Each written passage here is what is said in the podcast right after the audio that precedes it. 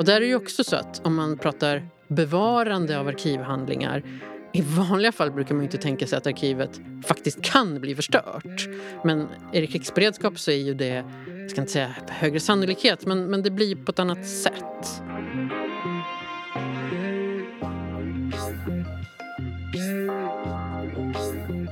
Du lyssnar på Arkivpodden från Riksarkivet. Jag heter Andrea Grängsjö och med mig i studion har jag Marie Lennersand som är säkerhetschef på myndigheten.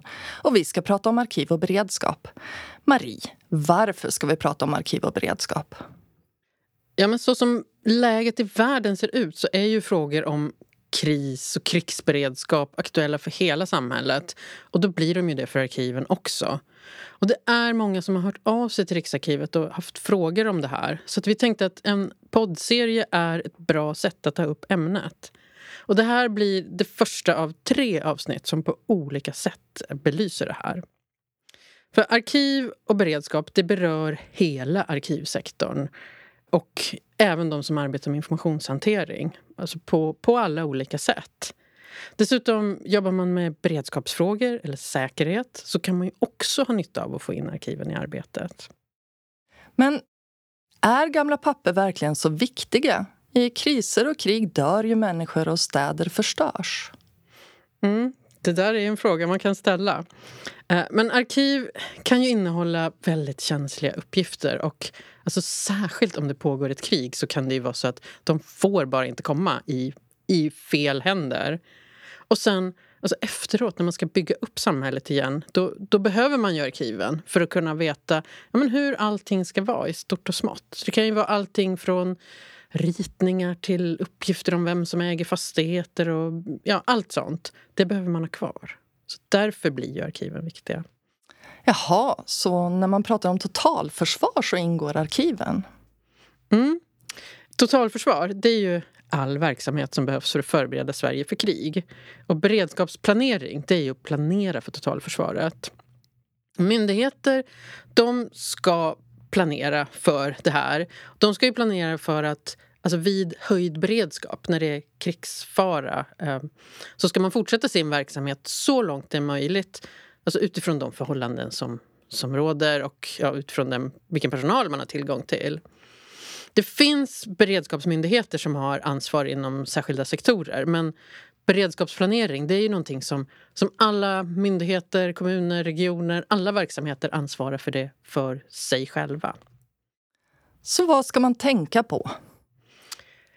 Det viktigaste som jag tycker man ska ta med sig från det här som vi pratar om idag det är att man ska se till att arkiven ingår i beredskapsplaneringen för den verksamheten. Alltså för myndigheten eller kommunen eller sådär. Så att det blir inkluderat och en naturlig del i det.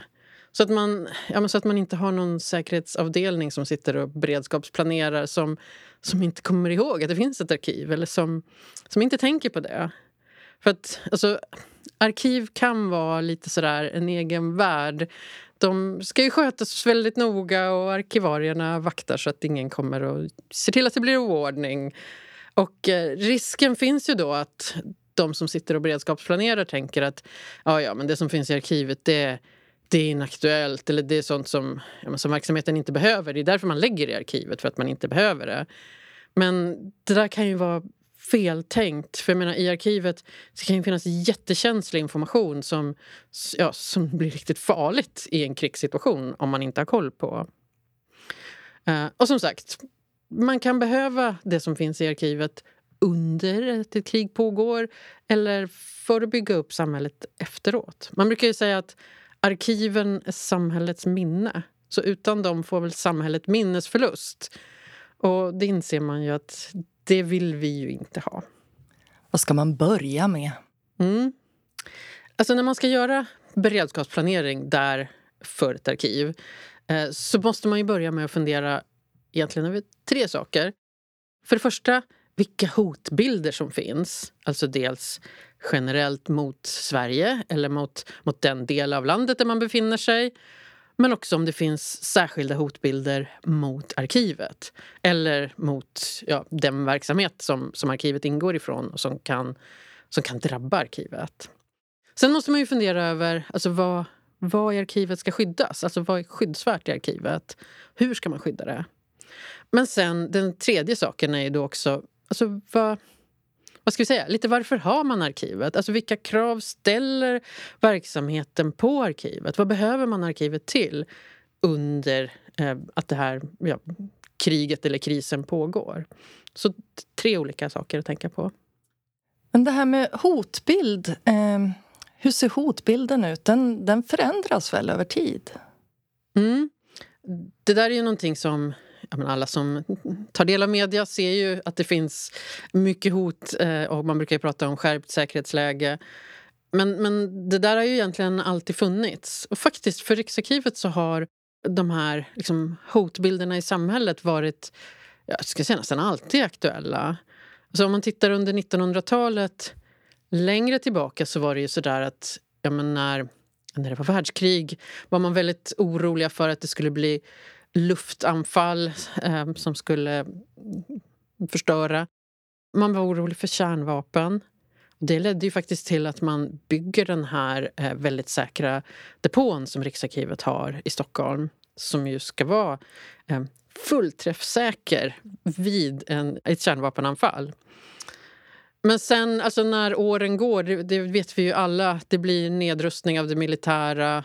Då bygger man arkivdepåer ovan jord. Sen blir det också en, en, digitalisering av samhället och då börjar det ju bli så att ja, men, cyberattacker och sånt där blir hotbilder för arkiven, eh, precis som för alla andra. Men sen idag så är det ju ja, men alla hotbilderna på en gång. Vi kan tänka oss att det ska bli liksom, ja, vad ska jag säga, traditionellt krig med markstrider, kärnvapen är aktuellt, cyberkrig. Det finns ju också man brukar kalla för informationskrigföring, alltså så här desinformation, påverkan. Uh, där har ju arkiven också vad ska vi säga, en roll i och med att det, det är där man förvarar information som ska vara korrekt. Så allt, allt det här är aktuellt för arkiven. Och det ska man ju ha med sig då när man planerar. Men innan man kom på att man skulle bygga under jord, då vill man väl bygga på höjden? Mm. Riksarkivet låg ju eh, i Stockholm på Riddarholmen i ett hus som man byggde på 1800-talet. Det var alldeles för litet. Så då hade man storstilade planer på 30-talet att man skulle bygga ett höghus.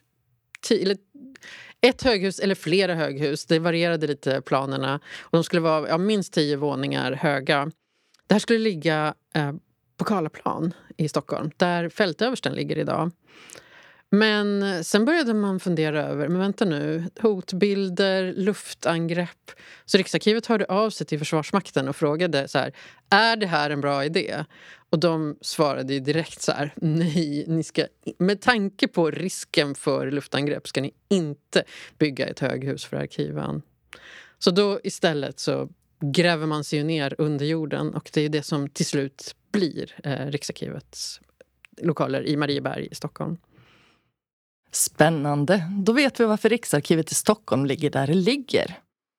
En krigsplanering kan man väl ha nytta av i andra situationer också? Eh, ja.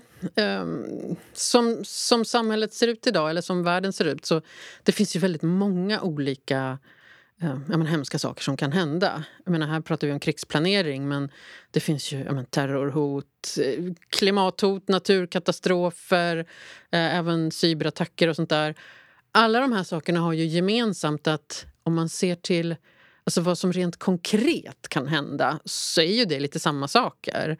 Det spelar ju ingen roll om det är krig eller terrorattack. Det kan leda till att, att ett hus brinner upp. Mm. En klimat, eh, vad ska jag säga, klimathot kan också leda till att det blir bränder och så vidare. Cyberattacker kan ju faktiskt vara riktade mot infrastruktur eh, och göra ja, men till exempel att elektriciteten ligger nere för hela städer eller så. Vi vill ju inte att det ska hända, men det skulle kunna hända. Och den här planeringen som man har då, eh, ja, det är ju liksom lite samma scenario oavsett vad det är för, för saker som händer. Mm. Är arkiv särskilt hotade om det skulle bli krig? Det kan de faktiskt vara. Man, man kan ju kanske lätt tänka att vem, vem bryr sig om gamla papper som ligger? Men tyvärr är det så att ja, ser man på ja, men moderna krig som pågår runt om i världen, inte minst i Ukraina så finns det en hel del exempel på att arkiv medvetet har attackerats och förstörts. Alltså att man har det är inte så att man har bombat en stad och arkivet har råkat ligga i vägen utan det verkar ibland som att man faktiskt har siktat på det. Mm. Och Det kan ju vara ett sätt att skada samhället men det kan ju också vara så att man vill skada liksom, ja, den verksamhet som arkivet tillhör. Sen kan det också vara så att man attackerar arkivet, alltså inte för att förstöra det utan för att man vill komma åt det som finns i det. Eh, det kan ju också vara så att man vad ska jag säga, plundrar arkivet. Inte för att man egentligen vill komma åt vissa uppgifter utan för att man kanske tror att det finns ja, men, värdefulla gamla dokument som man kan sälja. Sen kan det också vara så att man plundrar byggnaderna för att man vill komma åt datorer och såna saker som, ja, men som ja, kan, man kan tjäna pengar på. Men eh, finns det andra sätt som arkiven kan påverkas på?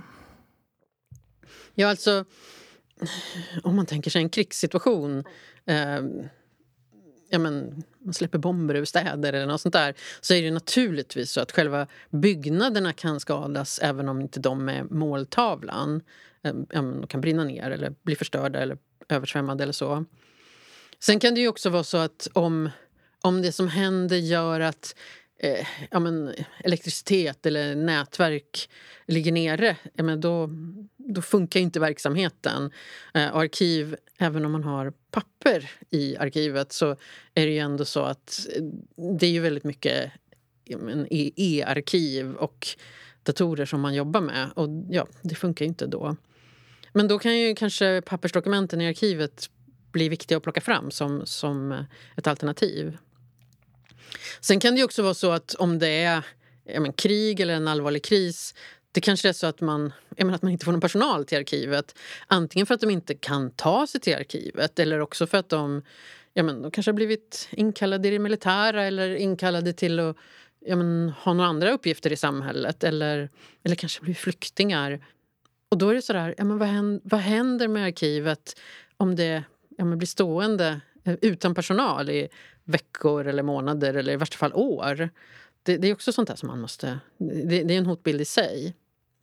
Men sen kan man ju också tänka sig att eh, ja, men det pågår ett krig men där man själv är med sitt arkiv, där fortsätter allting som vanligt. Men det är ju ändå så att i... Jag menar, om, om det land man lever i har drabbats av nåt sånt så ställer ju det krav på beredskap. Alltså att man kanske måste ja, men ha andra arbetsuppgifter eller jobba på andra sätt. Så att på olika sätt så blir det ändå inte helt normalt som, som verksamheten fortsätter. Ja, det är många saker man behöver tänka på. Hur vet vi då vad som behöver skyddas i arkiven? Ja, eh, man brukar prata om skyddsvärden. Och det är alltså det, det som man ska skydda. Eh, för arkiv så pratar man ju då givetvis om innehållet i arkiven. I viss mån så kan det också vara själva verksamheten, alltså att man bedriver arkivverksamhet.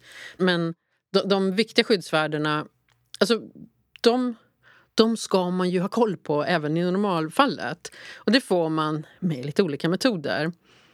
Eh, informationsklassning enligt MSBs föreskrifter om informationssäkerhet. Eh, man ska göra säkerhetsskyddsanalys så att man har liksom klassificerat uppgifter om Sveriges säkerhet i enlighet med säkerhetsskyddslagstiftningen, Säpos föreskrifter om säkerhetsskydd. Riskanalyser, kontinuitetsplanering, man ska ha koll på Riksarkivets föreskrifter, inte minst när det gäller arkivlokaler. Allt det här ska man ju, alltså det har ingenting med krigsplanering att göra utan det är ju vanliga eh, grunden för en god informationshantering och informationssäkerhet. Så allt det här ska man ha gjort och då vet man ju ganska mycket om sina skyddsvärden. Men om det är krigsberedskap vi pratar om då krävs det att man, att man jobbar vidare för då räcker det inte med det här. Hur gör man då?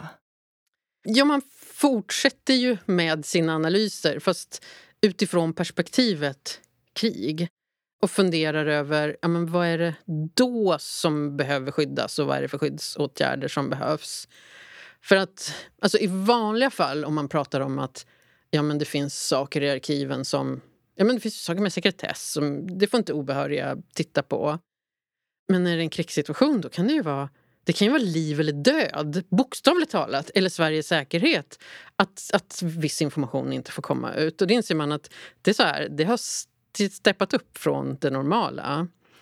Det är ju också så att man måste fundera över vad i arkiven måste vi ha kvar efteråt? Alltså vad, vad vill vi verkligen inte förlora av det i arkiven? Och där är ju också så att om man pratar bevarande av arkivhandlingar i vanliga fall brukar man inte tänka sig att arkivet faktiskt kan bli förstört. Men är det krigsberedskap så är ju det, jag ska inte säga högre sannolikhet, men, men det blir på ett annat sätt. Um, så att, uh, ja, man måste tänka ändå lite, lite annorlunda. Och där är det ju sådär att om man till exempel funderar över ja, men vad får inte röjas för obehöriga, liksom, särskilt inte främmande makt. Ja, men då finns det ju det här, eh, ja, men sånt som kan vara som rör Sveriges säkerhet, som, som absolut inte får komma ut. Men det kan också finnas information som, som inte rör Sveriges säkerhet utan kanske snarare ja, men lokala förhållanden eller vissa personer som skulle kunna råka extremt illa ut. Det kan ju vara ja, men, nyckelpersoner i samhället på olika sätt. Eh, som, ja, men det, de inte, kanske, det kanske inte är Sveriges säkerhet på den nivån men det är ändå inte så att man vill att de ska råka illa ut. Mm. Eh, så att man, där måste man ju se liksom, bredare på vad som är känsligt. Sen är det ju också så att det man måste veta är... Alltså, om det råder höjd beredskap eller krig så kan det vara så att den, den verksamhet, alltså den myndighet eller vad ska vi säga, som, som arkivet tillhör de kanske måste ha tillgång till speciell information för att kunna bedriva sin verksamhet. Och Det kan ju vara så att ja, men de planerar för olika alternativa arbetssätt. Till exempel om det är så att eh, strömmen ligger nere så kanske de måste ha tillgång till pappersdokument. Och Det där ska man ju ha planerat i förväg. Det här är det man kallar kontinuitetsplanering eh, som man ju ska ha gjort i vanliga fall. Men det är också beredskapsplanering för hela verksamheten. Hela verksamheten måste kunna tala om vad behöver vi arkivet till. Sen kan det också finnas andra i samhället som behöver tillgång till arkivet. Alltså att de har lite an andra krav än, än i normalfallet. Uh, och det måste man ju också veta då. Så att, eh, nej, det är ganska mycket saker. Men sen har vi också ett perspektiv som, som man ju sällan tänker på när det gäller eh, informationsklassning. Och det är ju det här vad, vad behövs för att bygga upp samhället efter ett krig? För det kan ju vara eh, vad ska vi säga, information på bredden. För det finns ju väldigt mycket stort och smått som, ja, men, som man vill ha, behöver ha för att samhället ska fungera. Ser man ja, men, olika krig som har varit, till exempel på Balkan så ser man att ja, men det blir det är mycket konflikter kring ja, men vem ägde fastigheter och sånt där. Och då, då, behöver man sina arkiv. Men det kan ju också vara ja, men små detaljer. Och det måste man ju eh, ha koll på. Sen måste man ju också ha arkiv som, som behövs fall, fall den egna verksamheten ligger nere. Eh, för det kan ju faktiskt vara så att ett krig gör att eh, ja, men man kan, ens egen ja, men myndighet eller vad det nu är eh, in, inte kan jobba. Eh, och Säg att det har gått två år. Eh, det är kanske inte så att man bara kan starta om från noll. Utan så här, vad behövs för att få igång verksamheten? Sen om man tittar på det som är skyddsvärt så finns det också, också ett annat eh, perspektiv. Och Det handlar om kulturarv. Eh, eller ja, men, dokument i arkiven som är ja, men, historiskt eller kulturhistoriskt väldigt värdefulla. Eller ja, på olika sätt. I Riksarkivet kan det ju vara såna här ja, gamla fredstraktater eller vi har ju såna här praktdokument från Uppsala möte 1593 eller drottning Kristinas abdikationsakt eller ja, men såna saker som, som är liksom väldigt speciella dokument. Sen är det ju så att Enligt arkivlagen är myndigheternas arkiv kulturarv, alltså hela arkiven. Men om man ska plocka ut sånt som är särskilt skyddsvärt ur det här perspektivet så blir det ju ändå en mindre mängd dokument. Och en del av de där kan ju också vara ekonomiskt värdefulla för samlare. Så att det kan ju finnas en, eh, vad ska vi säga, en hotbild mot dem så att eh, någon kan vilja stjäla dem för att man vill, vill ha dem, så att säga. Eh, och alltså, det här är ju ett perspektiv, att det skyddsvärda i arkiven kan göra dem till en måltavla för en fiende. Det kan vara så att man vill komma över känslig information, det kanske är så att man vill plundra dem på kulturarv. Men alltså man kan vilja komma åt arkiven. Och det här är ju en risk för hela verksamheten. För det kan ju betyda att någon attackerar och menar, skadar personalen eh, för att man vill komma åt arkivet. Och det är ju väldigt viktigt att, att alla har koll på det här så att man vet att det händer. Nu när eh, du pratar, då pratar du om platsen och, och hur det ser ut där. Pratar du bara om papper här? Allt finns väl digitalt nu? Mm.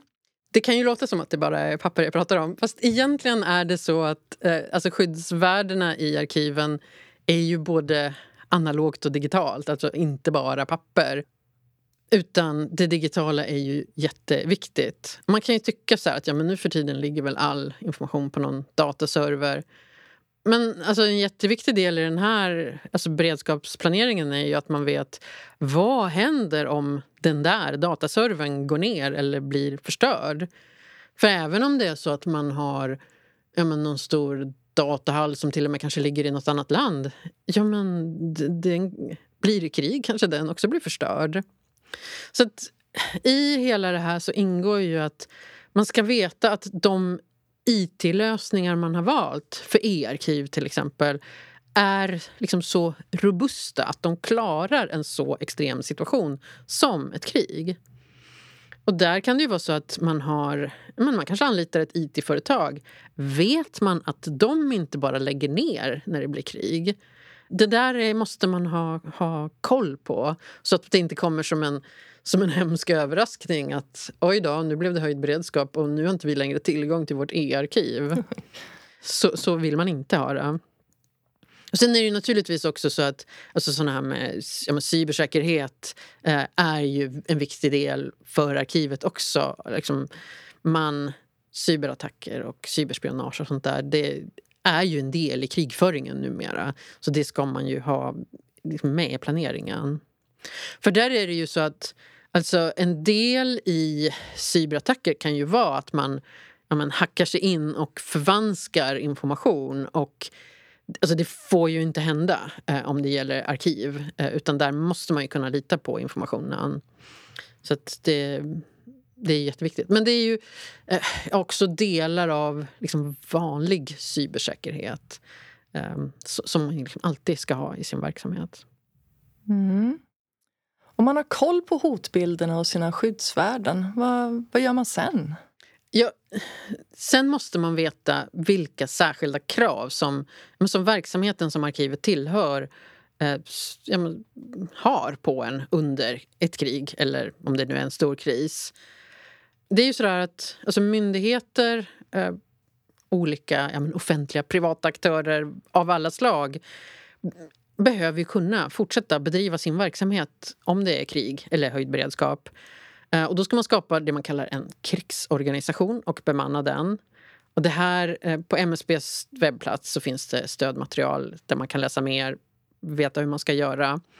Och allt det här handlar ju om att man ska analysera fram vad i verksamheten som är prioriterat och man ska se till att det finns personal och andra resurser till det. Och där måste ju arkivet komma in. Men hur det liksom kommer in i det hela, det är ju det man kommer fram till i analysen. Det kan ju vara så att man kommer fram till att arkivet är jättekritiskt för verksamheten. Det måste finnas arkivarier som är på plats, vad som än händer. Och då kanske de ska vara krigsplacerade. Eller också bedömer man att ja, men så är det inte. Eh, och då behöver man inte ha krigsplacerade arkivarier. Oavsett vilket så ska ju arkivet liksom vara med här så att man eh, ja, men, har planerat för hur det ska vara, så att säga. Nu har vi fått reda på en massa bra saker. Men eh, vad är viktigast för de som lyssnar att ta med sig? Det är ju så att det finns inte en mall som alla kan använda. Utan varje verksamhet ska ju ha sin egen beredskapsplanering. Och det är ju det viktiga. Det ska vara för, för den egna verksamheten.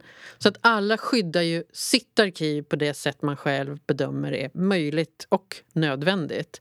Och det beror ju på, alltså behoven man har beror på vilka skyddsvärden man har. Det beror på hoten mot dem och ja, men, en massa andra faktorer också. Sen är det ju så att alltså, totalförsvar betyder eh, för oss idag planering. Och det här är ju en planering som, som man kan ha nytta av även vid andra, eh, det man kallar fredstida kriser. Så det finns ju andra saker som kan hända. Så att det är ju inte bara krig. För det hoppas vi väl kanske inte ska inträffa eh, mm. just nu i alla fall. Nej, det hoppas vi verkligen inte. Tack Marie! Eh, missa inte nästa avsnitt. Då får du veta mer om vad man gör om det inte går att skydda arkiven. Evakuering, undanförsel och förstöring.